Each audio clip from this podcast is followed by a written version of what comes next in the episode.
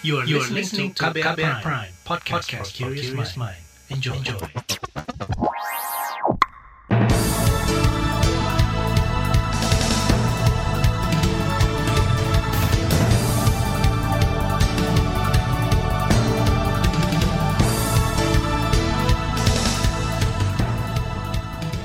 Selamat pagi saudara, senang sekali kami bisa menjumpai Anda kembali melalui program Buletin Pagi edisi Kamis 3 November 2022.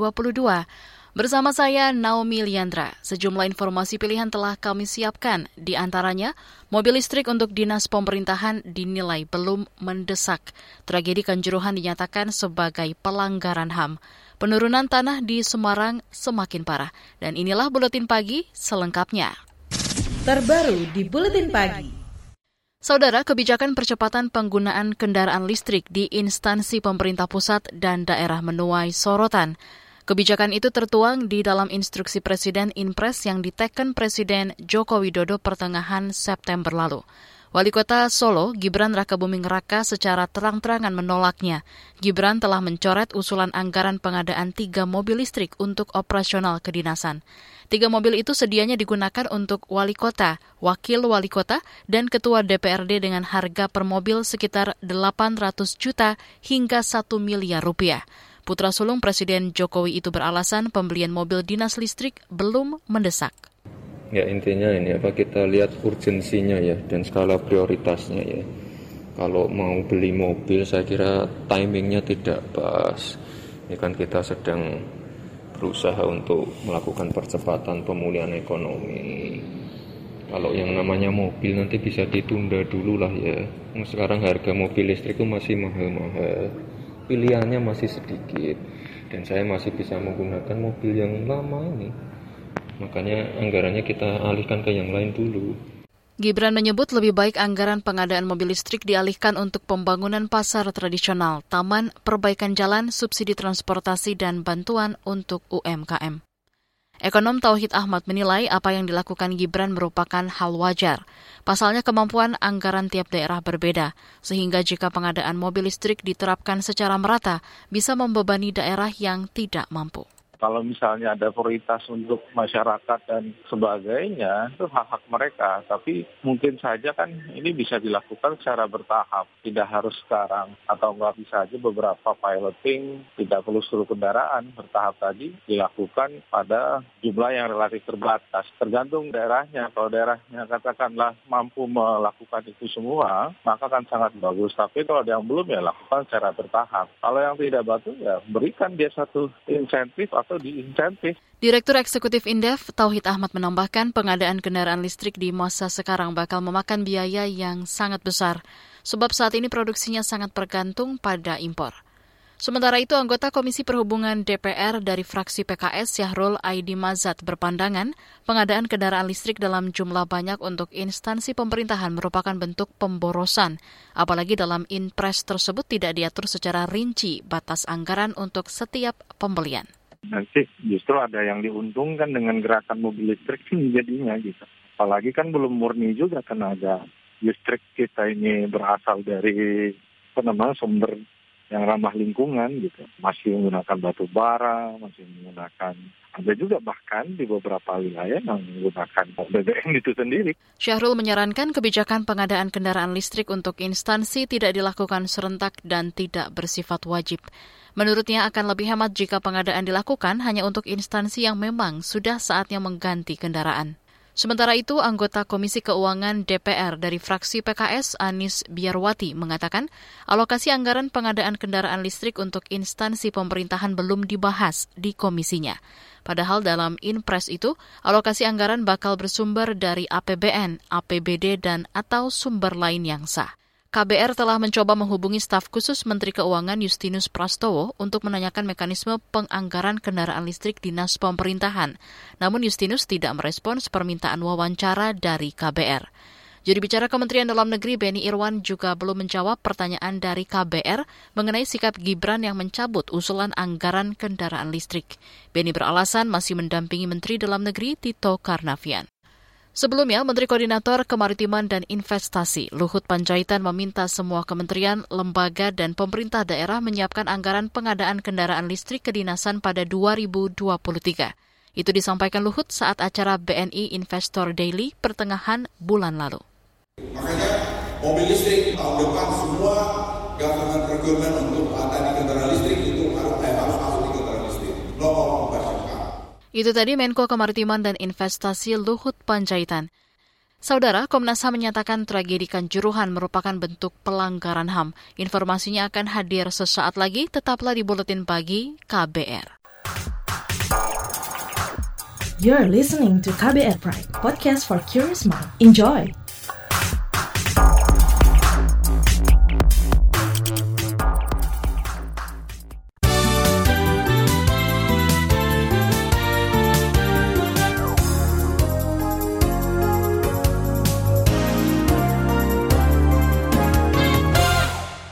Anda sedang mendengarkan buletin pagi KBR. Presiden Joko Widodo memerintahkan para menterinya tetap mengutamakan tugas negara meski berkontestasi dalam pemilu 2024. Itu disampaikan Jokowi menanggapi putusan Mahkamah Konstitusi MK yang menyatakan menteri tidak perlu mundur jika maju menjadi calon presiden atau calon wakil presiden. Ya, tugas tugas sebagai menteri tetap harus diutamakan. Tetapi kalau kita lihat nanti mengganggu ya akan dievaluasi apakah memang harus cuti panjang banget atau tidak. Sejauh ini baru ada satu menteri di kabinet Jokowi yang mendeklarasikan bakal maju sebagai calon presiden yaitu Menteri Pertahanan Prabowo Subianto. Kita ke informasi hukum. Komnas HAM menyatakan tragedi Kanjuruhan sebagai pelanggaran HAM. Itu disampaikan Komisioner Komnas HAM Hoirul Anam usai lembaganya merampungkan pemantauan dan penyelidikan insiden yang menewaskan 135 orang tersebut. Kesimpulannya adalah peristiwa tragedi kemanusiaan Kanjuruhan merupakan peristiwa pelanggaran hak asasi manusia yang terjadi akibat tata kelola yang diselenggarakan dengan cara tidak menjalankan, menghormati, dan memastikan prinsip dan norma keselamatan dan keamanan dalam penyelenggaraan sepak bola. Selain itu juga terjadi karena tindakan excessive use of force. Komisioner Komnas HAM Hairul Anam mengatakan ada tujuh pelanggaran HAM yang terjadi dalam insiden itu. Di antaranya penggunaan kekuatan berlebih, pelanggaran hak memperoleh keadilan, hak untuk hidup, hak atas kesehatan. Kemudian pelanggaran hak atas rasa aman, hak anak, serta bisnis dan hak asasi manusia. Komisi Pemberantasan Korupsi KPK mengamankan dokumen barang bukti dugaan suap pengurusan perkara di Mahkamah Agung MA. Juru bicara KPK Ali Fikri melalui keterangan tertulis kemarin mengatakan dokumen itu disita dari ruang Hakim Agung Prim Haryadi dan Sri Murwahyuni serta Sekretaris MA Hasbi Hasan. Ali mengatakan bukti itu akan dianalisis dan segera disita untuk dikonfirmasi kepada para saksi dan tersangka. Salah satunya Hakim Agung nonaktif Sudrajat Dimyati. Dalam kasus ini KPK menetapkan 10 tersangka. Mereka adalah Sudrajat, Eli Tripangestu, Desi Yustria, Muhajir Habibi, Al Basri, dan Nurmanto Akmal. Kemudian Yosep Parera, Eko Suparno, Herianto Tanaka, dan Ivan Dwi Kusuma Sujanto. Beralih ke informasi kesehatan. Gagal ginjal akut pada anak disebut sebagai kejahatan kemanusiaan jika terbukti disebabkan obat-obatan. Itu disampaikan Kepala Badan Pengawas Obat dan Makanan Badan POM Penny Lukito saat rapat kerja di Komisi Kesehatan DPR kemarin. Nah, dalam hal ini juga kami ingin menggarisbawahi apabila memang ada kausalitas nanti terbukti adanya kaitan antara obat dan juga kejadian kematian, ini adalah satu bentuk kejahatan obat. Kami melihat ini sebagai suatu kejahatan obat. Jadi artinya adalah kejahatan kemanusiaan, ya, apalagi dengan adanya kematian anak-anak kita. Penny mengatakan butuh kajian epidemiologis yang komprehensif untuk mencari tahu penyebab pasti gagal ginjal akut pada anak. Badan POM kata dia tidak menutup mata atas sumber penyebab selain obat. Namun patut diduga penyakit ini terkait dengan obat-obatan sirup yang mengandung senyawa berbahaya etilen glikol dan dietilen glikol. Hingga kemarin jumlah kasus penyakit ginjal akut mencapai 325. Jumlah kematian sebanyak 178 atau 54 persen. Kita ke informasi lain. Pemerintah berencana membuat peraturan presiden perpres tentang percepatan pelaksanaan reforma agraria. PLT Asisten Deputi Pertahanan di Kemenko Perekonomian Kartika Listriana mengatakan perpres itu bisa menjadi terobosan guna mempercepat pencapaian target reforma agraria. Aturan itu akan merevisi perpres tentang penyelesaian penguasaan tanah dalam kawasan hutan dan perpres tentang reforma agraria. Kemudian penguatan kelembagaan di antaranya nanti di dalam Perpres ini akan diatur mengenai pembentukan Project Management Office atau PMO yang mana eh, PMO ini diharapkan bisa menjadi akselerator di dalam eh, percepatan penyelesaian-penyelesaian reforma agraria yang tentunya ini bisa menjadi target dari penyelesaian kebijakan prioritas pemerintah kita saat ini. Pemerintah menargetkan lebih dari 5 juta hektar lahan dalam penyelesaian penguasaan tanah dalam rangka penataan kawasan hutan atau PPTKH. Hingga September 2022, realisasinya baru tercapai 27 persen dari target. Kita ke informasi ekonomi. Badan Pemeriksa Keuangan BPK mengungkap ada beberapa koreksi pada temuan anggaran program komponen cadangan Komcat di Kementerian Pertahanan Kemenhan. Anggota BPK Nyoman Adi Suryanjana menyebut koreksi bersifat administratif. Komponen cadangan itu begini, jadi negara dalam melakukan perlindungan itu bukan hanya militer, tapi militer, pemerintah, dan rakyat. Komponen cadangan ini dianggarkan oleh Kementerian Pertahanan. Namun kan bertahap. Nah pelaksanaan secara bertahap ini ada beberapa koreksi terkait eh, dengan pelaksanaannya. Tetapi koreksinya ini bersifat administratif dan eh, ada koreksi-koreksi lain yang sudah ditindaklanjuti. Adi menambahkan BPK telah mengirim surat ke Menteri Pertahanan Prabowo Subianto untuk menyampaikan temuan tentang Komcat. Kata dia, Kemenhan sudah mulai menindaklanjuti temuan BPK dan akan melakukan perbaikan. Beralih ke berita mancanegara, Menteri Pertahanan Prabowo Subianto menyiapkan langkah-langkah kewaspadaan untuk mengantisipasi meletusnya perang Korea Utara dengan Korea Selatan. Sinyal perang makin menguat setelah kemarin rudal balistik Korea Utara untuk pertama kalinya mendarat di dekat lepas pantai Korea Selatan. Prabowo mengatakan posisi Indonesia tidak memihak dan ingin menjadi juru damai. Saudara, rudal balistik Korut mendata, mendarat kurang dari 60 km di garis batas utara NLL teritorial Korea Selatan. NLL adalah perbatasan maritim antar Korea yang selama ini dipersengketakan. Uji, roba, uji coba rudal balistik Korut ini dilakukan saat Korsel dan Amerika menggelar latihan bersama. Kepala Kepolisian Korea Selatan Yoon Hee Kyun menyampaikan permohonan maaf atas tragedi pesta Halloween di Itaewon. Insiden akhir pekan lalu itu menewaskan 156 orang. Di hadapan awak media selasa waktu setempat, Yoon membungkuk dan bilang dirinya bertanggung jawab. Dia mengakui respons polisi dalam menangani pesta Halloween tidak memadai. Tak hanya Yoon, wali kota Seoul, Oh Sehon juga meminta maaf. Hon bahkan sampai menangis saat menyampaikan permintaan maafnya ketika sidak ke lokasi kejadian. Dia menjamin pemerintah akan bertanggung jawab. Beralih ke berita olahraga. Empat pebulu tangkis tunggal putra Indonesia lolos ke babak kedua kejuaraan Hilo Open. Cesar, Rustavito, dan Jonathan Christie melenggang karena lawan-lawan yang mundur. Sedangkan Anthony Ginting menang mudah atas pemain Irlandia kelahiran Vietnam, Nat Nguyen, dua set langsung. Sementara itu Chico Dwi Wardoyo sukses membalas kekalahan atas Brian Yang dari Kanada dalam laga tiga set. Di tunggal putri, Gregoria Mariska Tunjung tidak kesulitan mengalahkan pemain Jerman. Adapun di ganda campuran, pasangan muda Rehan Lisa kembali menyita perhatian karena mampu menundukkan unggulan ketiga dari Jerman, Mark Isabel, dua set langsung. Dari ajang Liga Champions, klub papan atas Prancis PSG menang atas Juventus 2-1 di Stadion Allianz Kamis dini hari tadi. Gol PSG dicetak Kylian Mbappe di menit ke-13 dan Nuno Mendes di menit ke-69. Sedangkan gol semata wayang Juventus disumbang Leonardo Bonucci. Di laga lain, Real Madrid sukses menggasak Glasgow Celtic dengan skor telak 5-1 di Santiago Bernabeu. Gol Los Blancos dicetak Luka Modric, Rodrigo, Marco Asensio, Vinicius Junior, dan Federico Valverde. Celtic memperkecil kedudukan lewat gol Jota. Di bagian berikutnya kami hadirkan laporan khas KBR tentang alarm kenaikan kasus COVID-19. Tetaplah di Buletin Pagi KBR. You're listening to KBR Pride, podcast for curious mind. Enjoy!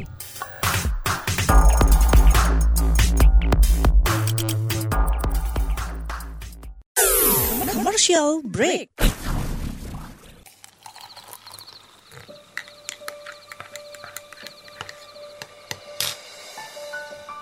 Hai, kamu apa kabar?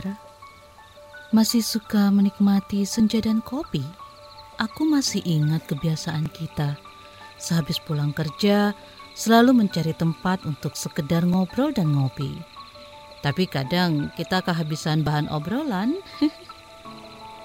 Aku masih melakukan hal yang sama sampai sekarang tanpa harus takut habis bahan buat ngobrol. Karena aku selalu mendengarkan KBR sore dari Senin sampai Jumat jam 4 sore. Ah, aku rindu.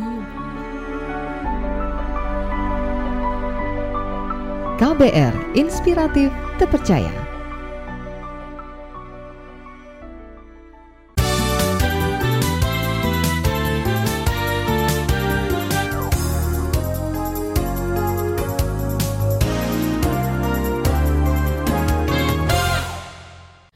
Anda masih bersama kami di Buletin Pagi KBR.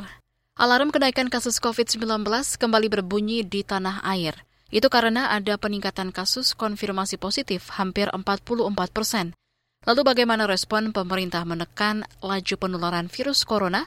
Simak dalam laporan khas KBR disusun jurnalis Siti Sadida. Saudara kasus konfirmasi positif COVID-19 naik 43,53 persen dibanding sepekan sebelumnya. Berdasarkan data pemerintah, kasus harian bahkan menembus angka lebih dari 4 ribu. Kepala Bidang Penanganan Kesehatan Satgas Penanganan COVID-19, Alexander K. Ginting menyebut, perkembangan situasi ini menjadi lampu kuning atau penanda Indonesia harus hati-hati. Secara daerah, provinsi, Jakarta, Jabar, Jatim ya. Tapi tetap Jakarta yang paling unggul. Untuk per tanggal 1 November aja itu Jakarta Jakarta itu ada 1.600-an kasus baru. Kemudian diikuti Jawa Barat, hampir 350 kasus. Kemudian Jawa Timur, kemudian Banten, dan kemudian Jawa Tengah. Nah, di luar Pulau Jawa, Bali, kasus juga meningkat, khususnya di Sulawesi Selatan, Kalimantan Timur, dan kemudian juga uh, kita lihat di Jogja juga mulai naik. Tapi uh, kalau untuk di Sumatera, uh, rata-rata 60-80 kasus lah. Alexander menyebut kenaikan kasus dipengaruhi varian baru COVID-19, yaitu subvarian varian Omikron XBB, pelonggaran penerapan protokol kesehatan dan peningkatan mobilitas masyarakat. Ditambah lagi pemerataan vaksinasi yang berjalan lambat. Padahal vaksin bisa memberikan perlindungan untuk masyarakat dari penularan COVID-19. Jadi kalau kita lihat laju vaksinasi sekarang dibandingkan laju vaksinasi 2021 sangat jauh berbeda. Kalau dulu kita masih mudah mendapatkan sentra vaksinasi, kemudian tim-tim vaksinasi PIS ya, menjadi tugas bersama Satgas, TNI Polri, lembaga kemasyarakatan, lembaga lembaga keagamaan dan termasuk juga di situ kesiapan dari berbagai relawan, sukarelawan. Nah ini yang mungkin yang kita hilang pada saat ini. Sehingga vaksinasi itu lebih banyak dikerjakan mereka yang ada di dinas kesehatan maupun di puskesmas. Padahal pekerjaan puskesmas juga tidak hanya urusan COVID. Menurut Alexander, upaya percepatan vaksinasi bukan hanya tugas pemerintah, melainkan juga masyarakat. Karena itu perlu dipahami juga oleh masyarakat bukan hanya ketika ada dorongan dari pemerintah untuk vaksinasi. Persoalannya sekarang adalah bagaimana ada akses dan ada aspirasi. Itu di pihak penyelenggara. Tapi di pihak kita, masyarakat juga harus bisa merespon ini. Kalau misalnya dibuka uh, sentra vaksinasi, kita ya harus bagi mereka yang belum ya harus mendatanginya. Kenapa? Karena vaksin ini barang sensitif, high technology. Kemudian kalau dia sudah dibuka, dia harus uh, harus dipakai, harus segera disuntikkan. Dan dia sangat sensitif dengan perubahan temperatur. Jadi uh, kena perubahan temperatur yang tidak terkontrol ini akan merusak vaksin itu sendiri. Meski begitu, sejauh ini belum ada rencana penguatan untuk penanganan pandemi COVID-19. Kebijakan pemberlakuan pembatasan kegiatan masyarakat atau PPKM baru akan dievaluasi 7 November mendatang. PPKM menjadi salah satu upaya pemerintah menekan angka penularan virus. Namun, sebelum ada peningkatan kasus, Kementerian Kesehatan atau Kemenkes mengklaim sudah ada pengetatan di pintu-pintu masuk ke Indonesia. Pengetatan dilakukan lantaran ada virus varian baru yakni XBB. Menurut Direktur Surveillance dan Kekarantinaan Kesehatan Kemenkes Ahmad Fahrani Tri Adrianto, varian tersebut tercatat mengakibatkan lonjakan kasus penularan di sejumlah negara seperti Singapura dan India. Jadi kita pengawasan lebih mendalam itu pada orang-orang yang ketika masuk ke Indonesia itu ada ditemukan gejala demam dan gejala yang mengarah ke COVID-19. Semua kasus-kasus positif PCR yang kita temukan saat ini itu harus kita periksa lebih lanjut dengan pemeriksaan whole genome sequencing atau WGS untuk kita secepat-cepatnya bisa mengetahui varian dan subvarian dari kasus positif ini. Tetapi pengetatan kegiatan masyarakat bukanlah opsi yang akan dipilih pemerintah untuk saat ini. Wakil Presiden Maruf Amin mendorong agar seluruh masyarakat semakin disiplin menerapkan protokol kesehatan. Masyarakat diminta tetap beraktivitas agar roda perekonomian stabil namun tetap waspada terhadap penularan COVID-19. Agar pemerintah terus mengamati perkembangan. Karena itu sampai hari ini belum mengubah status pandemi menjadi endemi. Karena kita masih terus mengamati sambil juga menunggu petunjuk-petunjuk lebih lanjut dari WHO. Respon pemerintah yang terbilang lamban mendapat sorotan dari peneliti keamanan dan ketahanan kesehatan global Diki Budiman. Kata dia, seharusnya pemerintah bisa lebih cepat menyikapi perkembangan kasus COVID-19 di tanah air. Ini juga diperburuk dan berpotensi makin buruk ketika respon pemerintahnya ya biasa-biasa saja ya. Artinya ya 3T ya biasa gitu ya. Kemudian vaksinasinya bahkan tidak ada ya untuk booster ya di puskesmas atau di layanan kesehatan. Nah ini yang berbahaya ya karena sekali lagi saya ingatkan bahwa dampak dari kehadiran subvarian ini akan sangat bergantung pada modal imunitas. Menurut Diki, pemerintah tidak perlu sampai melakukan pengetatan yang agresif, tetapi harus serius memperluas cakupan vaksinasi terutama dalam pemerataan vaksin booster. Laporan ini disusun Siti Sadida, saya Reski Mesanto. Informasi dari berbagai daerah akan hadir usai jeda. Tetaplah bersama Buletin Pagi KBR. You're listening to KBR Pride, podcast for curious mind. Enjoy!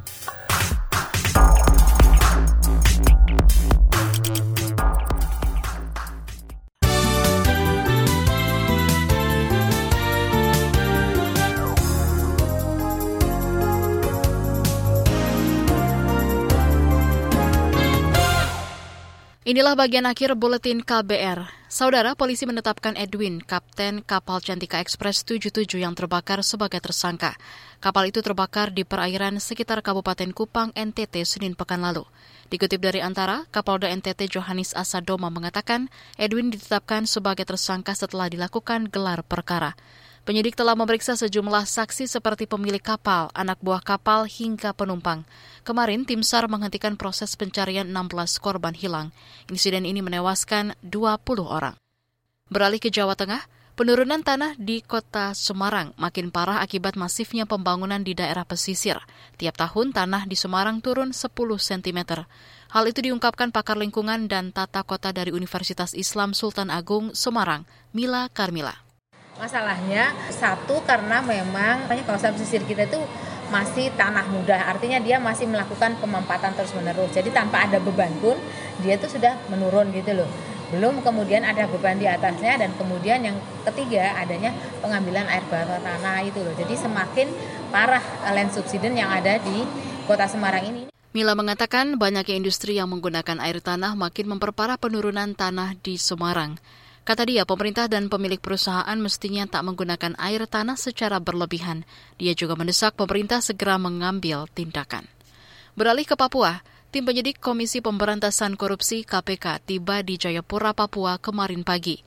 Kehadiran mereka ditengarai untuk memeriksa Gubernur Papua Lukas NMB yang menjadi tersangka suap dan gratifikasi.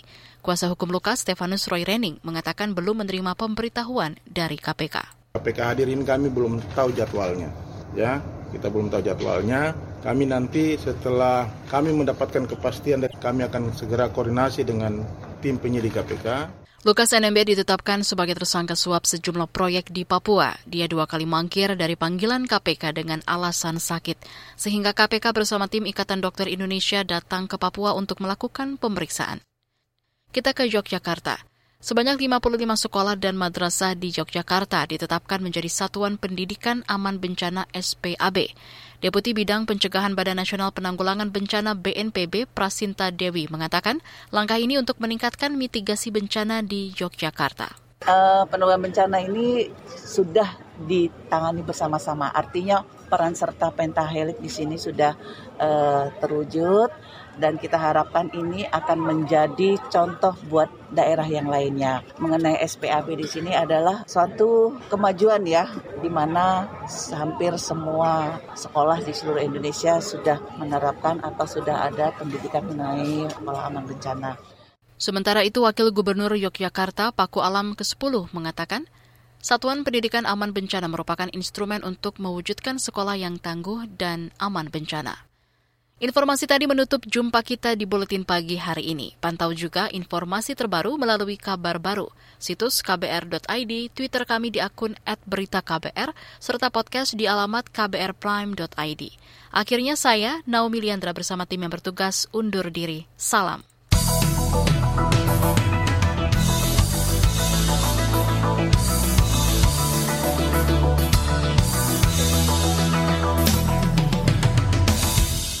KBR Prime, cara asik mendengar berita. KBR Prime, podcast for curious mind.